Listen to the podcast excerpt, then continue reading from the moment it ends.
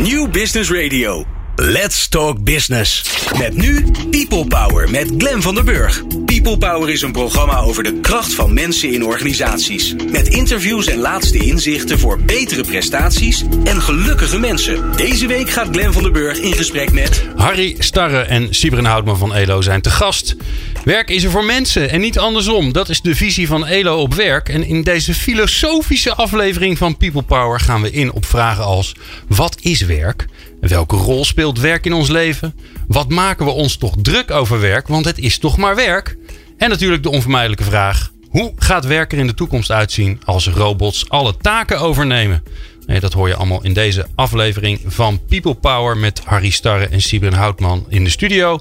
En Aukje Nauta, daar bellen we straks mee, want die is de columnist van dienst met haar maandelijkse aanraden over duurzaam inzetbaarheid. En dit keer gaat ze jullie advies geven over hoe je de krapte op de arbeidsmarkt voor je eigen, uh, ja, voor jezelf kan gebruiken.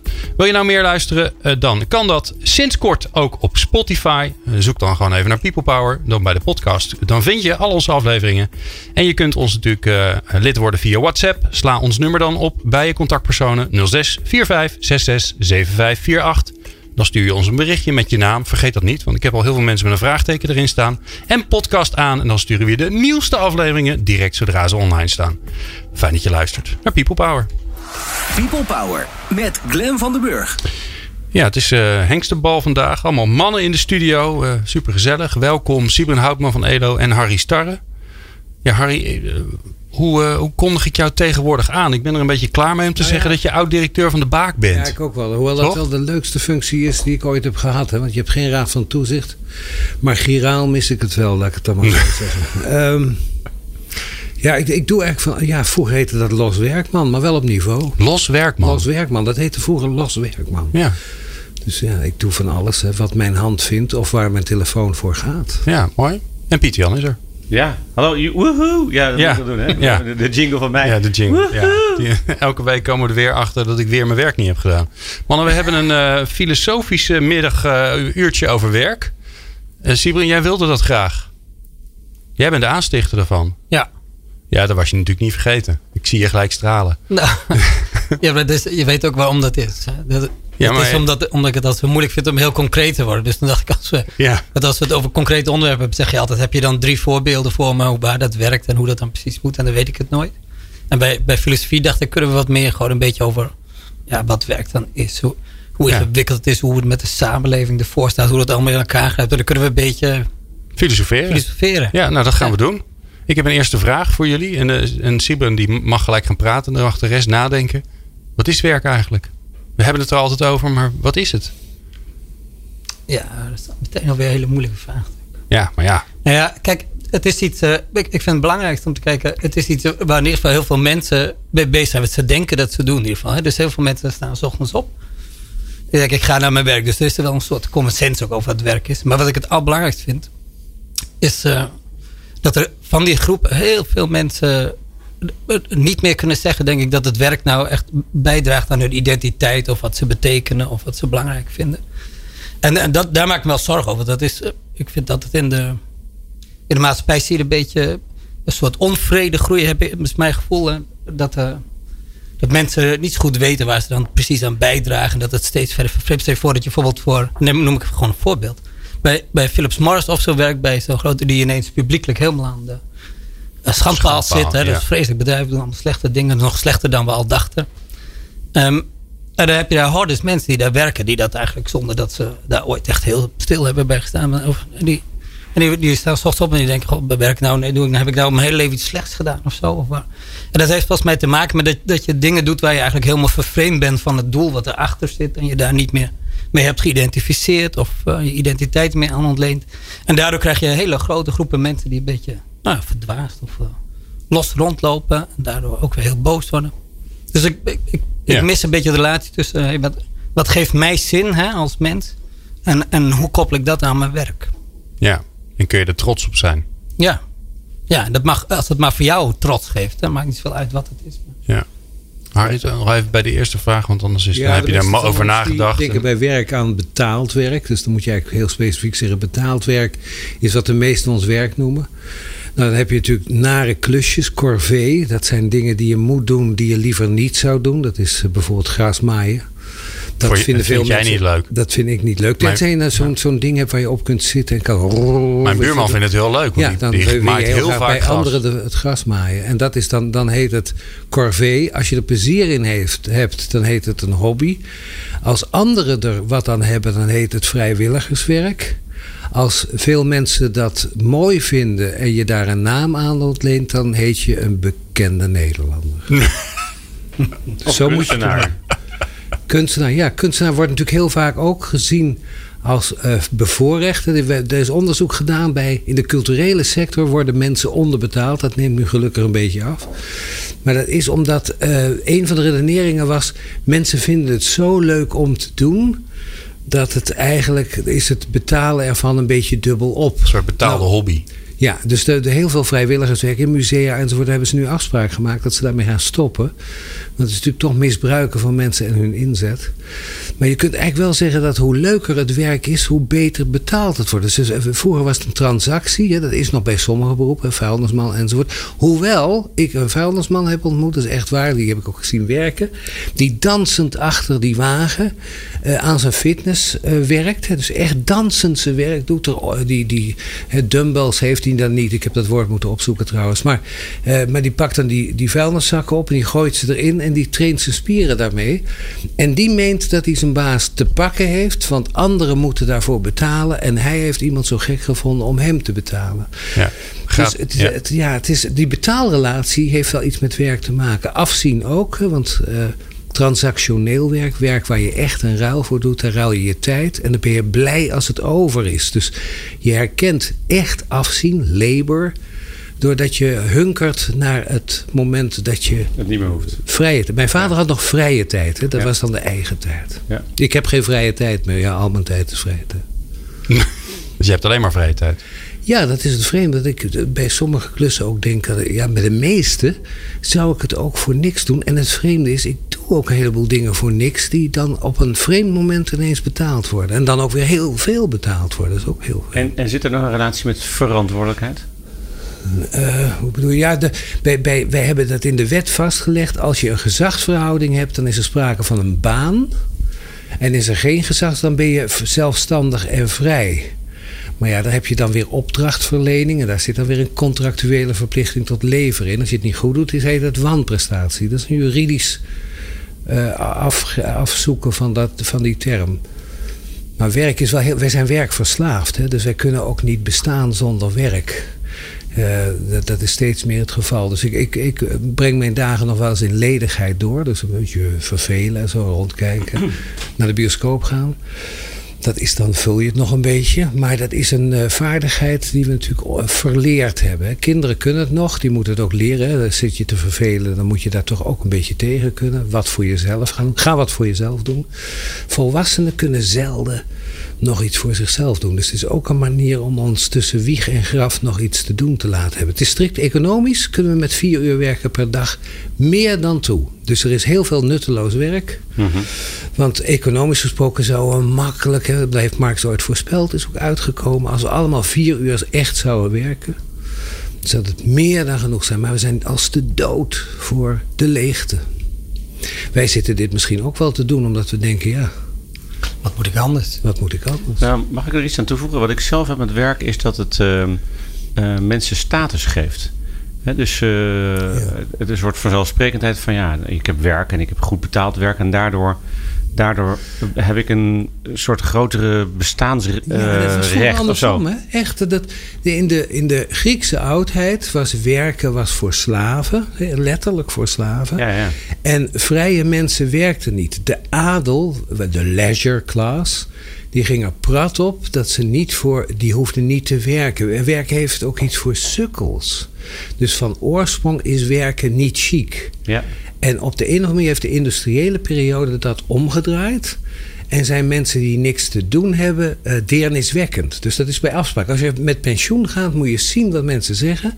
Maar je blijft toch wel, ja, heel druk en zo. Dus je kunt niet zeggen, ik doe niks meer. Nee. Uh, ik slaap uit, lees een boekje, maak een wandelingetje. Dat heet een nutteloos bestaan. Terwijl het mij, volgens mij, eigenlijk waar, toen wij jong waren, konden we dat als geen ander. En dan raak je die vaardigheid kwijt. Maar het is natuurlijk geweldig om niks in je agenda te hebben. Het is wel even wennen. Nou, ik vind die discussie, zodat ik een beetje breder trek, maar die discussie die Rutger Brechtman inbrengt over hè, de, eh, het uh, soort basisinkomen voor iedereen. Ja. Die ervan uitgaat dat je dus dat iedereen dat je uh, dat, dat werk niet per se betaald hoeft te zijn. Maar daarmee wel mensen bestaansrecht geeft. Omdat mensen, hè, de gedachte erachter is dat mensen dan de goede dingen gaan doen. Ja. Nou, daar, daar, kan ik, daar kan ik heel veel mee. Maar ik, ik, ik gooi het wel eens op in een, in een discussie nou, met ja, mensen. Je hebt in die olielanden waar ze dat hebben en dat leidt niet tot veel goeds. Hè? Je hebt olielanden waar Ja. je gewoon geld giraal krijgt overgemaakt.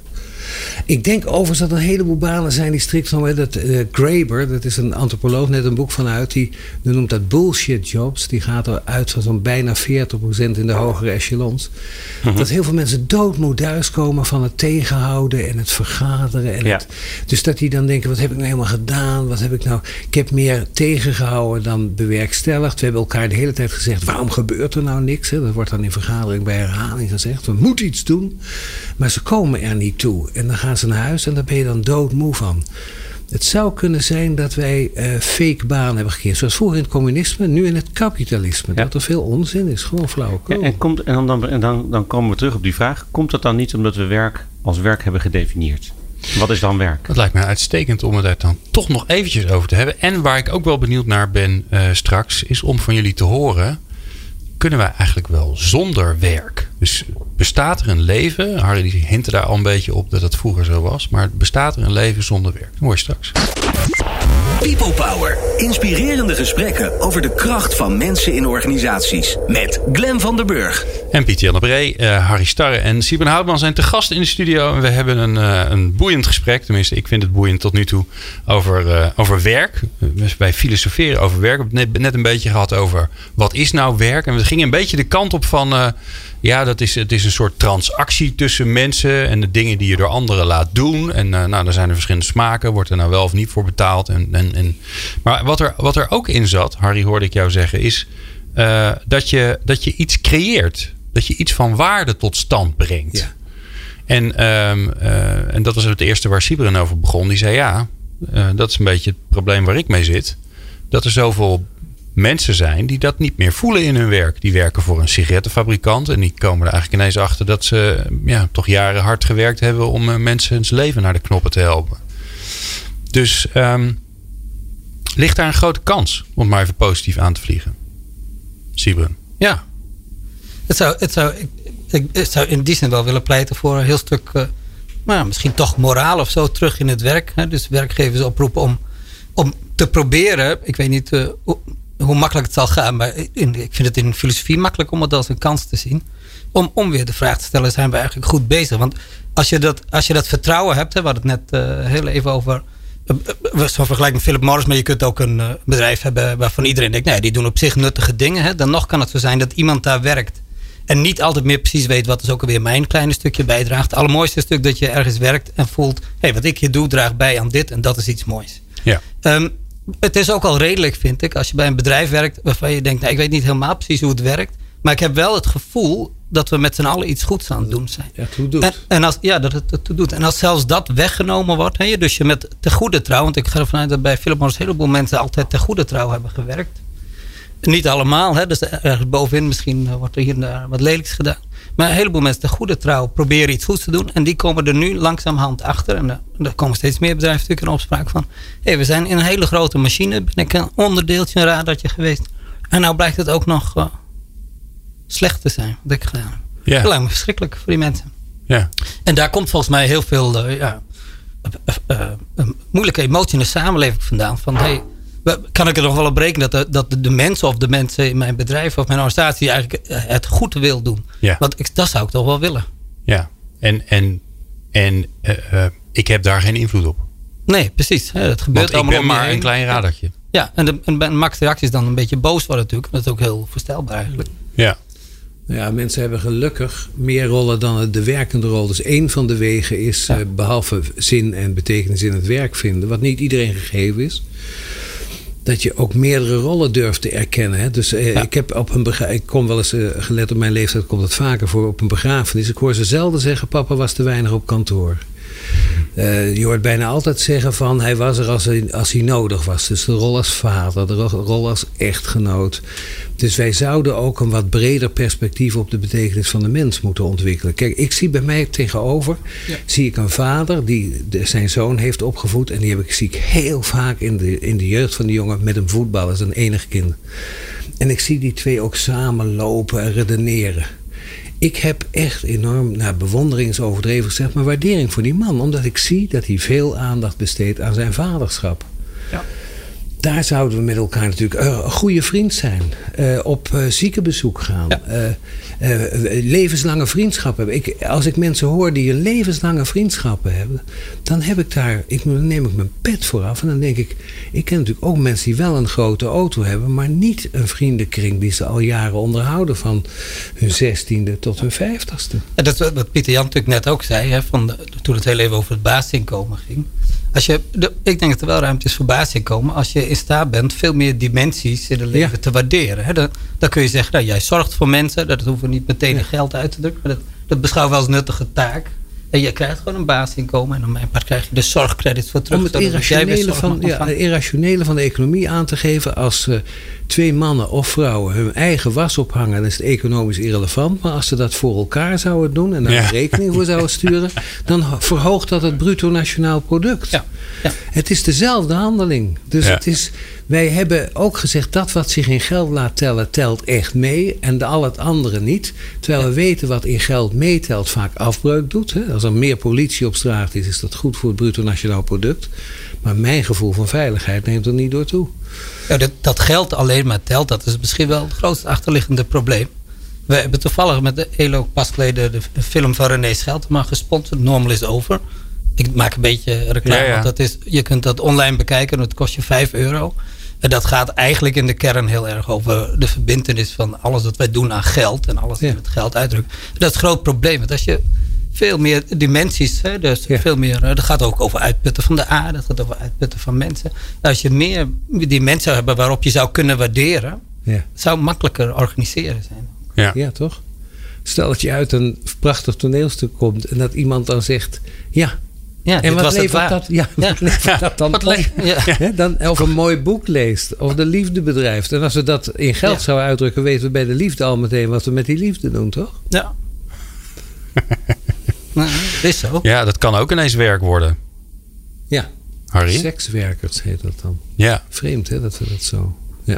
in plaats van liefde. Ze hebben ook daar, is dat wel toch een leuke, soms, soms zitten vieze sekswerkers waarvan je denkt, ja, die, die zijn echt met iets bezig wat ze betekenis geeft. Dus soms zie je ook, denk nee, zo geeft het minder betekenis. Maar Nou, ik, heb, ik Ja. geef lunches hè, en dan zitten mensen aan tafel. En we praten met elkaar. En dan eh, zeggen mensen tegen mij: Ah, maar wat is nou businessmodel?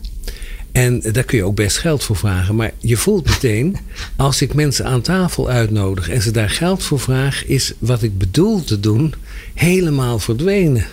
Dat is namelijk aan tafel noden om in vrijheid met elkaar. Stel je voor dat ik er geld voor ga, dat iemand dan zegt: Ik vond het vanochtend niet zo goed, ik wil mijn geld terug. ja, Ik moet er allemaal niet Ja, aan denken. want ik heb er geen lead uitgehaald. Ja, of ik, eh, ja, krijg je dat le- soort dingen. leiden niet tot. Dus, eh, en ehm, het dingen doen voor niks is natuurlijk, hoe noem je dat nou? De eer. Er zijn mensen die promoveren en die vragen aan de hoogleraar: wat kost een promotie? En die man die zegt: dat is de eer van mijn beroep. Dus daar hoeft u niet voor te betalen. Ja, maar u moet er toch een hoop werk voor verrichten. Maar het is de eer van mijn beroep en van de wetenschap om jou de gelegenheid te geven om te promoveren. Maar er zijn natuurlijk al Ja, mensen. ik wou die- zeggen, is dat nog steeds zo? Of, ja, dat komt natuurlijk Of takelt dat ook een beetje af? Je kan in Amsterdam met de ferry over de Amstel. Ja, je, je kent de neoliberalen. Hè? Die zeggen dan, ja, zet er een prijskaartje op en het wordt minder druk. Maar dan kan niet iedereen meer gewoon naar de overkant. We zetten een prijskaartje op ons onderwijs. Maar dan kan niet iedereen meer Nee. naar school. Wat je ook zegt, het wordt minder toegankelijk. Dus als we willen dat iedereen gebruik van kan maken, ja, dan moet je dat durven zeggen. Ik vind het nog steeds vreemd dat ouderen en eh, studenten hoeven dat niet meer. Maar waarom moeten ouderen nog betalen voor vervoer? Terwijl eenzaamheid zo groot is en je wilt dat ze naar hun familie kunnen. Dan wil je toch niet dat oudere mensen boven de 65 in dit land nog betalen voor een openbaar vervoer? Terwijl als, we, als we die nou doortrekken naar werk. Hè, want uh, uh, met werk is het ook zo dat er een soort van grote betaalmuur omheen staat. Hè? Dus, dus uh, er wordt van werkgevers, wat trouwens een prachtig woord is, hè? want als je werk kunt geven, dan kun je ook iets moois geven. Ja. Maar, maar we spreken het uit alsof het een vies woord is. Um, maar er is een grote muur om de arbeidsmarkt heen en die heet dan het contract. Ja. En dat zorgt ervoor dat er 1,2 miljoen mensen wel willen werken, maar niet, maar niet toegang hebben tot werk. Terwijl wij daar wel in de ja. grondwet. En, en, die mensen die willen we recht op hebben. In ledigheid, die moeten ledig uh, beschikbaar zijn. Je mag niet studeren als je werkloos bent omdat je beschikbaar moet zijn. Dus het komt bij mensen voor dat ze uh, vijf, zes jaar beschikbaar zijn, niet mogen studeren, ja. omdat ze beschikbaar moeten zijn voor de arbeidsmarkt. Ja, en dat is waarschijnlijk het commentaar wat ze terugkrijgen: is ja, je bent niet meer up-to-date. Ja, als, na die vijf jaar ja. zeggen ze: we kunnen zo weinig met je, want je bent er helemaal uit. Dus er zitten allerlei vreemde irrationaliteiten in onze manier van doen. Ja, en een tijdje echt ledig bezig zijn is natuurlijk ook heel goed. Een ja. beetje verwonderen om je heen kijken. sabbatical, hè? Chique ja. kringen heet het een sabbatical. Ja. Maar, maar, dus... maar, dit kun je allemaal binnen de muur van het werk ook. Dus we, we kijken natuurlijk naar de, naar de maatschappij en zeggen: ja, de, je zou meer dimensies moeten hebben waarop je van waarde kunt zijn. Maar eigenlijk zou je dat kunstje ook al binnen bedrijven. Wij proberen bij ELO een klein beetje te doen, hè, maar dat lukt niet altijd even goed. Dat heb ik ook wat doen. Maar, maar je kan in ieder geval proberen om ook daar mensen de gelegenheid te geven. om niet alleen maar bezig te zijn met de dingen die ons bedrijf geld doen verdienen. maar ook bezig te zijn met de dingen die zij belangrijk vinden. en daar als werkgever ook de ruimte voor te geven. we hebben het hier eerder wel eens over gehad van stuur ze maar eens naar het museum. Als ze dat willen, laat ze lekker gaan. Um, en laat ze ook dingen doen waarvan we niet meteen misschien de financiële waarde zien. Als we we kunnen best wat rendement inleveren als we het daardoor met z'n allen beter hebben, hè, voor ons gevoel. Op meer dimensies dan alleen geld.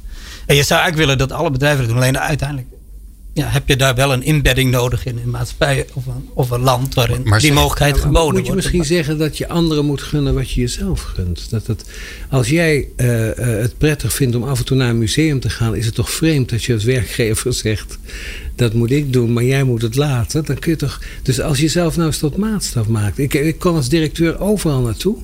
Elk moment dat ik naar buiten wilde, kon ik naar buiten. Behalve de mensen lager in de pikorde, die moesten binnen blijven. is nu over gelukkig en dan mag iedereen naar buiten. Nou, nou jezelf als maatstaf, zou, in ieder geval zou je een ander dezelfde ruimte moeten gunnen. De vraag is natuurlijk of ze, of, of ze dezelfde behoefte hebben. Ja, precies. precies. want dat, dat, dat zou niet moeten, denk ik. Nee. Laat ieder vanuit wat, waar hij zelf behoefte aan heeft. Maar wel de ruimte om om jezelf te kunnen zijn. Hè? Hoeft niet een hele existentialistische discussie meteen aan het grondslag te liggen. Maar, maar dat je de, de mogelijkheid hebt om ook de, jouw identiteit, hè, om daar ook een beetje ruimte voor te krijgen. De dingen te doen die daarbij passen en die erbij horen. En als je dan ook nog kunt zeggen, het werk wat ik doe geeft ook nog een beetje, kleurt dat verhaal van wie ik ben ook nog een beetje in. Dan denk ik dat je ook weer veel prettiger eh, in het leven staat en ook weer meer vertrouwen naar buiten. In het algemeen is het zo dat als de werkgever calculeert, de werknemers dat ook doen. Ja, en als de werkgever ophoudt met calculeren, de werknemers ook ophouden met calculeren. Dus als de werkgever alle vakantieuren telt, ja, dan gaat het van twee kanten van kiet. Hè? Dan gebeurt er niks meer extra. Omdat de werkgever op de uren let, leert, let de werknemer er ook op. Dus laat je het alle twee na, dan zul je zien dan steek je er netto met z'n allen meer tijd ook nog in. Ja. ja, we hebben volgens mij ook nog geen grootschalig experiment gehad, behalve werkeloosheid, zoals we dat nu noemen, waarin je mensen de vrijheid geeft om datgene te doen wat ze leuk vinden en te kijken wat daaruit komt, toch? Want nu is de, de, de, de economische perspectief erop betekent of je werkeloos bent of niet, of dat je werk hebt. Maar ik geloof dat als jij uh, mensen de ruimte geeft om te doen wat ze willen, Tuurlijk, een deel gaat eerst gamen.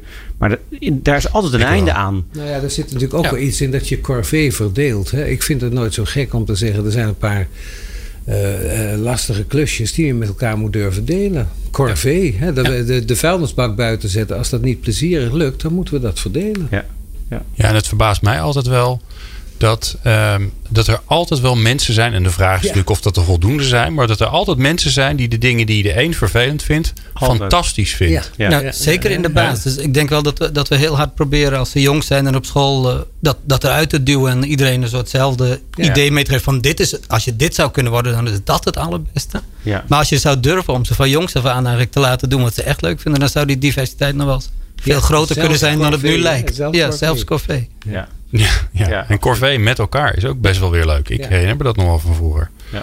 Dat de corvée... eh, Dus wij hebben net weer gekampeerd, superleuk. Ja.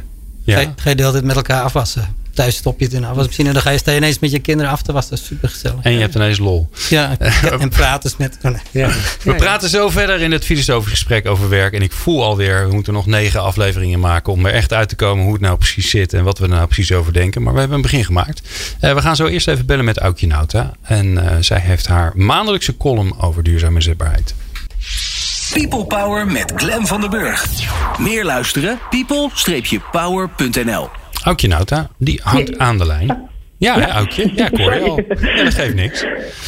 Eh, want eh Aukje die heeft bij ons een mooie column. Eh, de afgelopen, jeetje, Mina zegt nou zeker meer dan een jaar. En elke maand heeft ze een aanrader op het gebied van duurzame inzetbaarheid. En ehm, eh, ja, ik doe, de, ik doe de conceptontwikkeling en de marketing altijd tegelijkertijd, Aukje. Ik heb een briljant idee, namelijk om een, een boekje van al jullie columns te gaan maken. Oh, dat idee hadden we zelf ook eigenlijk net bedacht. Nou, dat doen we Dus het dat, samen. eh, dat Ideaal. komt heel prachtig samen. Zo, Ja. kijk. Nou, kijk. Ik ben Ja. voor. Eh, jullie kunnen het nog niet bestellen. Want we weten nog niet eh, hoe het eruit gaat zien, wat het kost en of het wat kost. Maar eh, als je het leuk vindt, dan eh, laat het ons weten. Dan weten we dat, we onze, dat er een markt is, dat jullie erop zitten te wachten. Eh, Ja, helemaal leuk. ik ben er helemaal klaar voor. Volgens mij eh, gaan we het hebben over de, over de arbeidsmarkt. We gaan het hebben over de arbeidsmarkt. En eigenlijk eh, heb ik een tip die helemaal past bij eh, jullie naam. Hè? People Power. Het, het is echt een column over power to the people. En ehm, ja, waarom zeg ik dat hardop? Hè? Eigenlijk luidt- luidt de aanraden heel simpel. Benut de krapte op de arbeidsmarkt, versterk je positie. En waarom zeg ik dat? Eh, ik zeg dat omdat de economie booming is. Hè. Als je ook gewoon een recent rapport leest van het CPB, dan eh, is de economie dit jaar met 2,8% gegroeid. Volgend jaar weer 2,5%. De werkloosheid heeft een historisch dieptepunt eh, gehaald. Hè. Gewoon maar 3,5% van de mensen is werkeloos. Er zijn enorm veel vacatures. Eh, het, heeft, eh, het CBS schrijft eh, dat er een nieuw hoogtepunt eh, is. Eind juni 251.000 eh, vacatures. In de zorg, onderwijs, ICT, bouw. eh, nergens kunnen ze eigenlijk genoeg eh, mensen krijgen. Maar de grote maar is dat dat eigenlijk nog altijd niet terug te zien is in eh forse loonstijgingen. Dus als je de cijfers van het AWVN ook kijkt, die, die zeggen van, eh goh ja, er was een versnelling in de CAO-lonen, eh, toename. Ehm, eh, in het kwartaal 1, eh, ja, dat lijkt wel een toevalstreffer te zijn, want op dit moment gaat de loonstijging eigenlijk helemaal niet zo hard.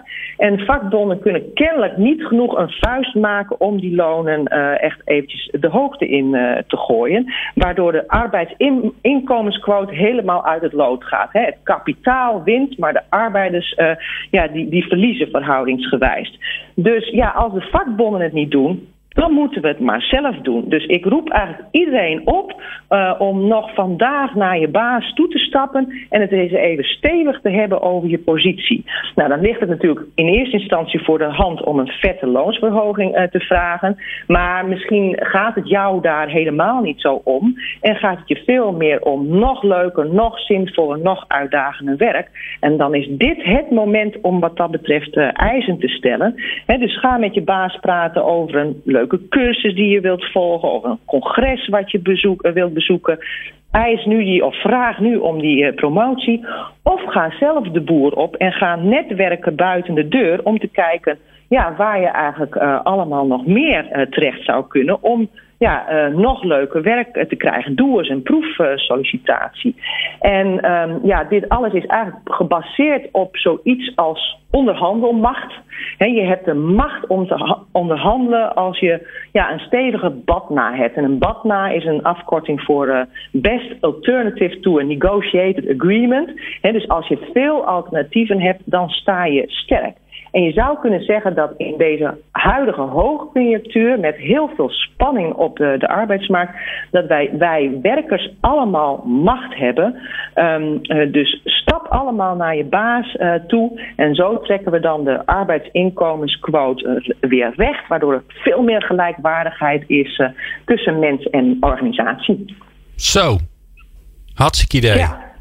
ja. Nou, Aukje, misschien moet jij gewoon eens uh, gaan praten bij de vakbond. Of je daar niet gewoon, of ze je daar niet moeten, uh, moeten aannemen. of, andersom, ja, goed, dat jij de ik, vakbond ik overneemt. een soort van individuele emancipatie uh, voor. Hè, Ja. Want ja, voor de een is een loonsverhoging heel erg belangrijk. En voor de ander gaat het dus veel meer om ja, dat je veel meer autonomie hebt in je werk. of, en weer een ander wil een bepaald project afstoten. Um, uh, maar waar het mij om gaat is van, ja, uh, zorg dat je in, in, je arbeidsrelatie dat voor elkaar krijgt wat voor jou belangrijk is. En uh, dat is niet altijd collectief voor iedereen hetzelfde. Dat is juist heel vaak ook maatwerk. Ja, nou kan ik me voorstellen dat mensen zo'n gesprek een beetje spannend vinden. Hoe, Ja. hoe breng je dat nou op een leuke manier zonder gelijk te zeggen: als ik dit niet krijg, dan ga ik weg? Ja, kijk, het is natuurlijk uh, uh, de beste manier om uh, voor elkaar te krijgen wat je belangrijk vindt, is om eerst eens te beginnen met een aantal vragen te stellen. Zo van, goh, hoe gaat het? Hoe vinden jullie dat ik het doe? wat zou nog beter kunnen?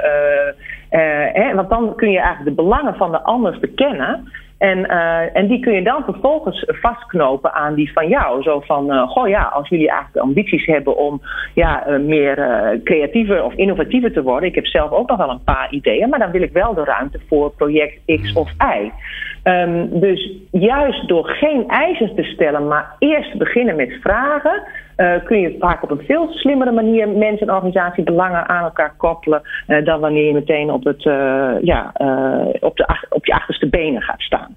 Mooi. Een oproep aan allen. Arbeiders, ja. verenigt u niet. Maar ga zelf gewoon aan je baas en zeg gewoon: joh, als je me waardeert, dan heb ik dit voor je nodig. Want dan, Precies, dan, word, ja. ik, dan word ik nog beter. Ja. Mooi, ik vind hem hartstikke mooi, Aukje. Dankjewel, Dankjewel voor je mooie ja. aanrader. En uh, wij spreken elkaar in ieder geval volgende maand weer. Oké, okay, tot dan. People Power. Inspirerende gesprekken over de kracht van mensen in organisaties. Met Glen van der Burg. En Pieter Jan de Bree. En uh, Harry Starre. En Sibren Houtman in de studio. We zijn gezellig met z'n vieren. We filosoferen over werk. Ik wil het, want volgens mij is het, is het een van de, van de gesprekken die veel gevoerd worden. Waar veel meningen over zijn. We gaan robotiseren. Dat betekent niet dat er heel veel robots nou per se overal uh, langskomen. Maar ook allerlei algoritmes die uh, werk van ons over kunnen nemen. Um, en dan is altijd dus de discussie. Ja, straks is er gewoon te weinig werk. Überhaupt. En dan uh, moeten we het werk gaan verdelen. Hoe, hoe zien jullie dat? Hebben we straks te weinig werk? Is dat een vraagstuk? Lost zich dat vanzelf op? Moeten we ons niet zo zorgen maken? Nou, ik, ik, mag ik beginnen? Vind je het goed? Uh, ik denk dat er twee uh, grote issues zijn. Het eerste is als er steeds meer, want het zijn eigenlijk algoritmen, het zijn AI, artificiële intelligentie. Het zijn geen robots die beweging maken, wat wij vaak denken aan robots. Dat gebeurt nu al. Hè. Jouw boetes komt door een artificiële intelligentie tot stand. Er zit geen mens meer tussen. Vind ik ook het vrede, want je kunt niemand meer bellen. Het is gewoon beslist door een systeem. Dus het wordt anoniem, algoritmisch. De vraag is dan. Wie krijgt eigenlijk de opbrengst van die uh, automatisering? Bill Gates zegt, daar zou je belasting op moeten heffen. Er zit ook belasting op arbeid, dat moet er juist weer af. Maar je moet de opbrengst, die die artificiële, die gaat nu nog maar één kant op. Ook je zei dat terecht. Amazon stinkend rijk, Google stinkend rijk. Die verdienen geld aan die geautomatiseerde systemen. Dat wordt oneindig hoge opbrengsten. Die moet je afromen, want daar kun je arbeid van betalen. En wat voor arbeid is dan nodig? Liefde en aandacht. Dus alles wat met relaties te maken, met samenhang, gemeenschap creëren. Wij gaan, als we niet oppassen, stuk aan vervreemding, aan uh, dat we elkaar niet meer kennen, dat er geen verbinding is. Er is nu 40% van ons slikt pijnstillers, antidepressiva en slaapmiddelen. Dat betekent, we zijn, een beetje flauw gezegd, diep ongelukkig. Dat is niet meer het uh, probleem van een enkeling. Dat is een in de middeleeuwen had je de pest. Wij hebben mentaal, gaat de pest door onze samenleving. Dat is een sociaal fenomeen en er is iets aan te doen. Herstel van verbinding. Herstel van zinvolle arbeid. Herstel van aandacht. Herstel van het wandelen in het park. Van de aandacht in de winkel. Ik, zie nu, ik kom in een winkel, uh, dat is van, van, een Zaanse grootgutter. En die is aan het automatiseren. Die automatiseert de cashiers eruit. Dat vind ik jammer, maar goed, dat kan ik nog hebben.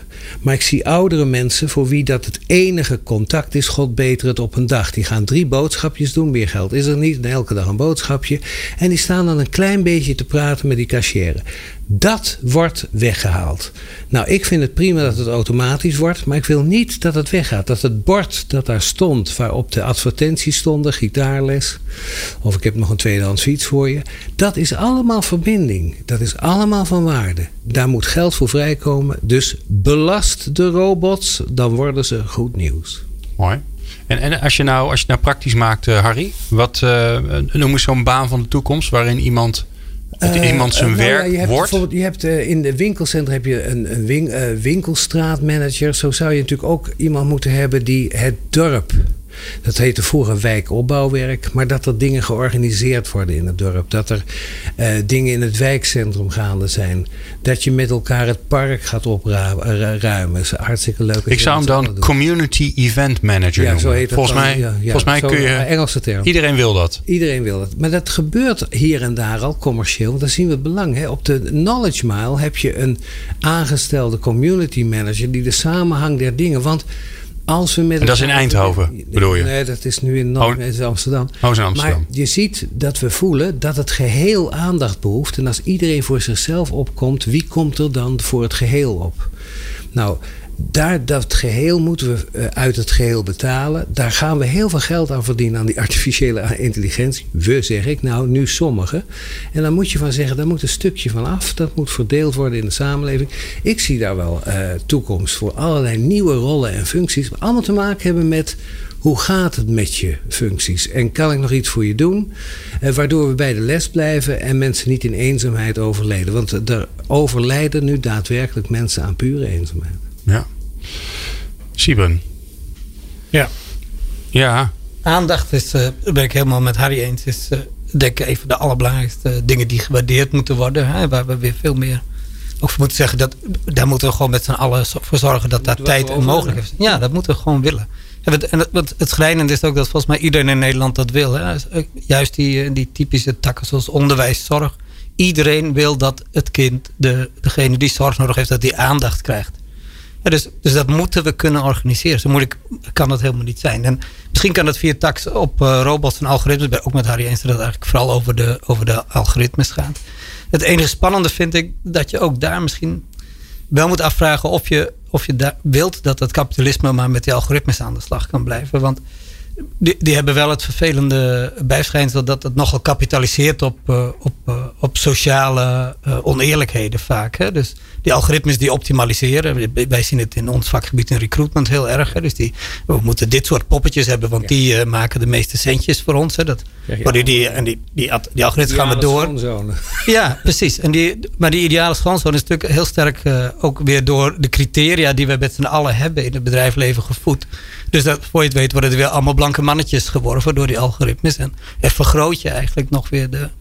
Dus, dus los van dat, ze, dat je de geld kan vinden dat je dat af zou kunnen romen, waar ik in ieder geval voor ben, om die grote kapitaal, uh, platformkapitalisme, om dat, op dat zoveel mogelijk weer af te romen om er aandacht voor terug te komen. Maar wordt dat dan een nieuwe baan? De, de, de, de artificial intelligence, uh, um, uh, degene die zich daar met, met, de, ja, met, ja, met de ethische kant bezighoudt? Ik denk dat de ethici, hè, dus eigenlijk we zijn vandaag aan het filosoferen, maar los van de aandacht voor elkaar, denk ik dat ethici, kunstenaars, dat dat ook een hele belangrijke beroepsgroep is om, om, om te blijven kijken van doen die algoritmen alleen maar dingen om de toch al hele rijke partijen nog rijker te maken? Of, of stel je voor uh, dat ik een briljante softwareontwikkelaar ben. Dat stel ik mezelf altijd graag voor. Ja, ik kan me best voorstellen. Beetje dromen.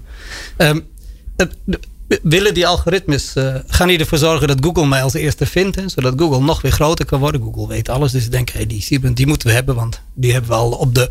En mijn dochter gaat nu uh, naar school in Utrecht. Doen alles via Google uh, Docs hè, op school.